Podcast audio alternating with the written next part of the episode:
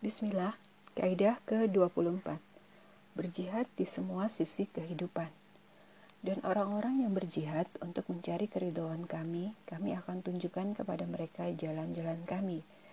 Quran Surat Al-Ankabut ayat 69 Kaidah ini berada di penghujung surat Al-Ankabut yang diawali dengan firman Allah Ta'ala Alif Lam Mim Apakah manusia mengira bahwa mereka akan dibiarkan hanya dengan mengatakan kami telah beriman dan mereka tidak diuji dan sungguh kami telah menguji orang-orang sebelum mereka.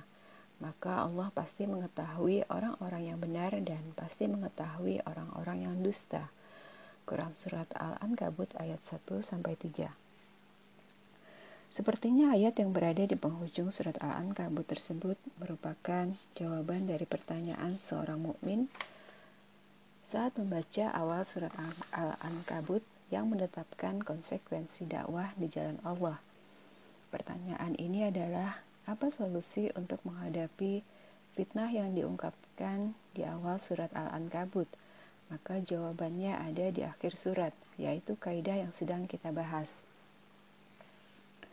Dan orang-orang yang berjihad untuk mencari keridhaan kami, kami akan tunjukkan kepada mereka jalan-jalan kami Quran Surat Al-Ankabut ayat 69 Jadi kita harus berjihad Jihad yang arti dengan arti yang umum Dan harus ikhlas Dengan keduanya datanglah petunjuk hidayah dan pertolongan atau taufik dari Allah Seseorang yang hendak menapati suatu jalan haruslah memperhitungkan rintangan-rintangan yang akan menghadangnya. Begitu juga jalan dakwah kepada Allah.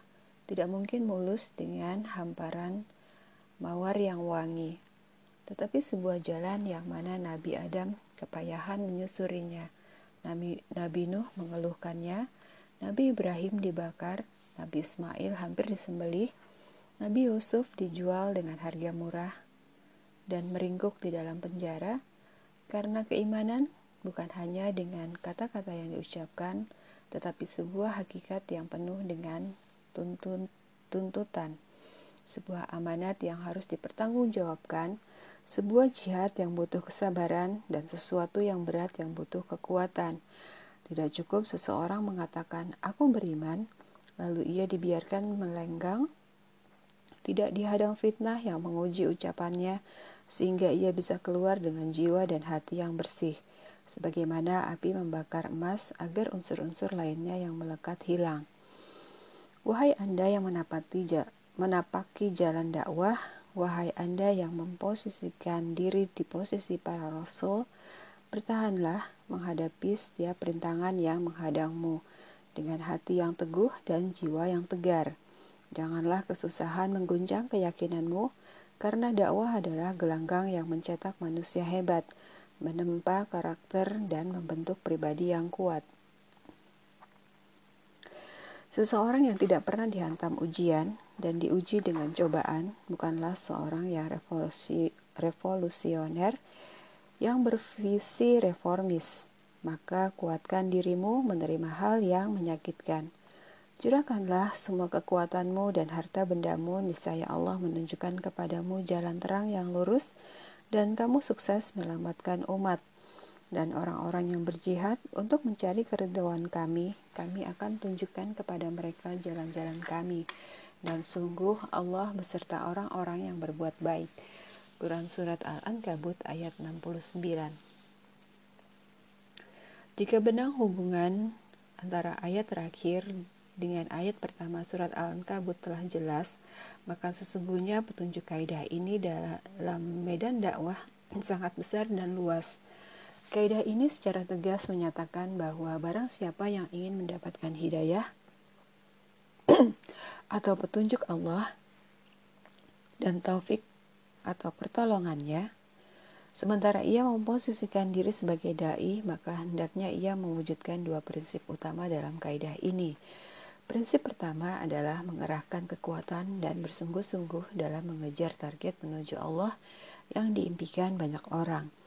Kedua, adalah ikhlas karena Allah semata. Allah berfirman, dan orang-orang yang berjihad untuk mencari keridhaan kami, Quran Surat Al-Ankabut ayat 69 jadi, perjuangan mereka bukan demi kemenangan pribadi atau demi organisasi dengan mengorbankan organisasi lain, bukan pula demi dunia, jabatan, dan kedudukan, tetapi perjuangan itu hanya demi Allah semata. Alasan keikhlasan ini diangkat padahal merupakan syarat melakukan segala aktivitas, tidak lain karena terdapat rahasia Terkadang motivasi seseorang berdakwah atau melakukan aktivitas kebajikan lainnya adalah ketenaran dan kekayaan yang diperoleh oleh dai sebelumnya atau muhadis lainnya. Sehingga mengangkat prinsip utama ini menjadi sangat penting. Ada rahasia lainnya, yaitu terkadang seseorang memulai dakwahnya dengan penuh keikhlasan, tetapi tak berselang lama keikhlasan itu pudar saat di depannya terdapat hal-hal yang memalingkan hatinya, kekayaan di depannya, kedudukan diraihnya, kesombongan, kepongahan, dan juga mengangkat harga dirinya. Penyakit-penyakit yang dapat menggerogoti keikhlasan itu sangat banyak. Jika penyakit itu telah merata di sekujur tubuh, maka keimanan di hati tercabut. Jika hanya sedikit saja, maka itu menjadi lubang untuk setan bisa memasukinya. Karenanya, mengingatkan kembali akan pentingnya prinsip keikhlasan dalam gelanggang agung ini gelanggang jihad dan mujahadah. Surat Al-Ankabut ini merupakan bagian dari jajaran surat-surat Makiyah menurut pendapat para ahli tafsir yang sahih yang jauh dari kesan jihad dengan arti yang khusus yaitu memerangi orang-orang musyrik demi membela agama Allah. Tetapi di sana terdapat makna agung yang tertuang dalam kaidah ini, yaitu bentuk jihad yang sangat berat sabar menghadapi dua macam ujian, ujian kelapangan dan ujian kesempitan yang diisyaratkan di awal surat Al-Ankabut. Kaidah ini juga menunjukkan makna lainnya, sebagaimana diungkapkan oleh Ibnu Qayyim rahimahullah, orang yang mendapatkan petunjuk yang paling sempurna adalah orang yang paling benar jihadnya. Sementara jihad yang paling besar adalah jihad menahan hawa nafsu, godaan dunia, dan melawan setan. Barang siapa yang melawan hal-hal tersebut demi Allah, maka Allah menunjukkan kepadanya jalan meraih keridoannya menuju surganya. Barang siapa yang meninggalkan jenis jihad ini, maka petunjuk itu hilang darinya. Beliau melanjutkan, seseorang tidak akan mampu mengalahkan musuhnya yang nampak sebelum ia menggelorakan jihad melawan musuh. Musuh-musuhnya yang tak nampak di atas. Barang siapa yang menang atas musuh-musuhnya yang tak nampak, maka ia berpeluang mengalahkan musuhnya. Berikut ini komentar-komentar ulama salaf dan para pengikutnya yang memperluas cakrawala kaidah ini. Al-Junaid rahimahullah berkata, mengomentari kaidah ini, dan orang-orang yang berjihad untuk mencari keridoan kami, kami akan tunjukkan kepada mereka jalan-jalan kami, Quran Surat Al-Ankabut ayat 69. Artinya, orang-orang yang memerangi hawa nafsunya untuk kami dengan bertobat, maka kami tunjukkan jalan menuju ikhlas. Para penuntut ilmu juga memiliki bagian dari kaidah ini. Imam Ahmad bin Abi Al-Hawari berkata, Abbas bin Ahmad rahimahullah telah memberitahukan kepadaku tentang firman Allah dan orang-orang yang berjihad untuk mencari keriduan kami kami akan tunjukkan kepada mereka jalan-jalan kami. Quran Surat Al-Ankabut ayat 69. Artinya, orang-orang yang mengamalkan apa yang diketahuinya, pasti kami tunjukkan kepadanya apa yang belum mereka ketahui. Apa yang diungkapkan di atas merupakan makna hadis, barang siapa yang mengamalkan pengetahuannya, maka Allah mewariskan kepadanya ilmu yang tidak diketahuinya. Dalilnya adalah firman Allah dan orang-orang yang mendapat petunjuk, Allah akan menambah petunjuk kepada mereka dan menganugerahi ketakwaan mereka. Quran Surat Muhammad ayat 17 Umar bin Abdul Aziz rahimahullah berkata, Kebodohan kita akan sesuatu yang kita tidak ketahui adalah hasil dari kita tidak mengamalkan sesuatu yang kita ketahui.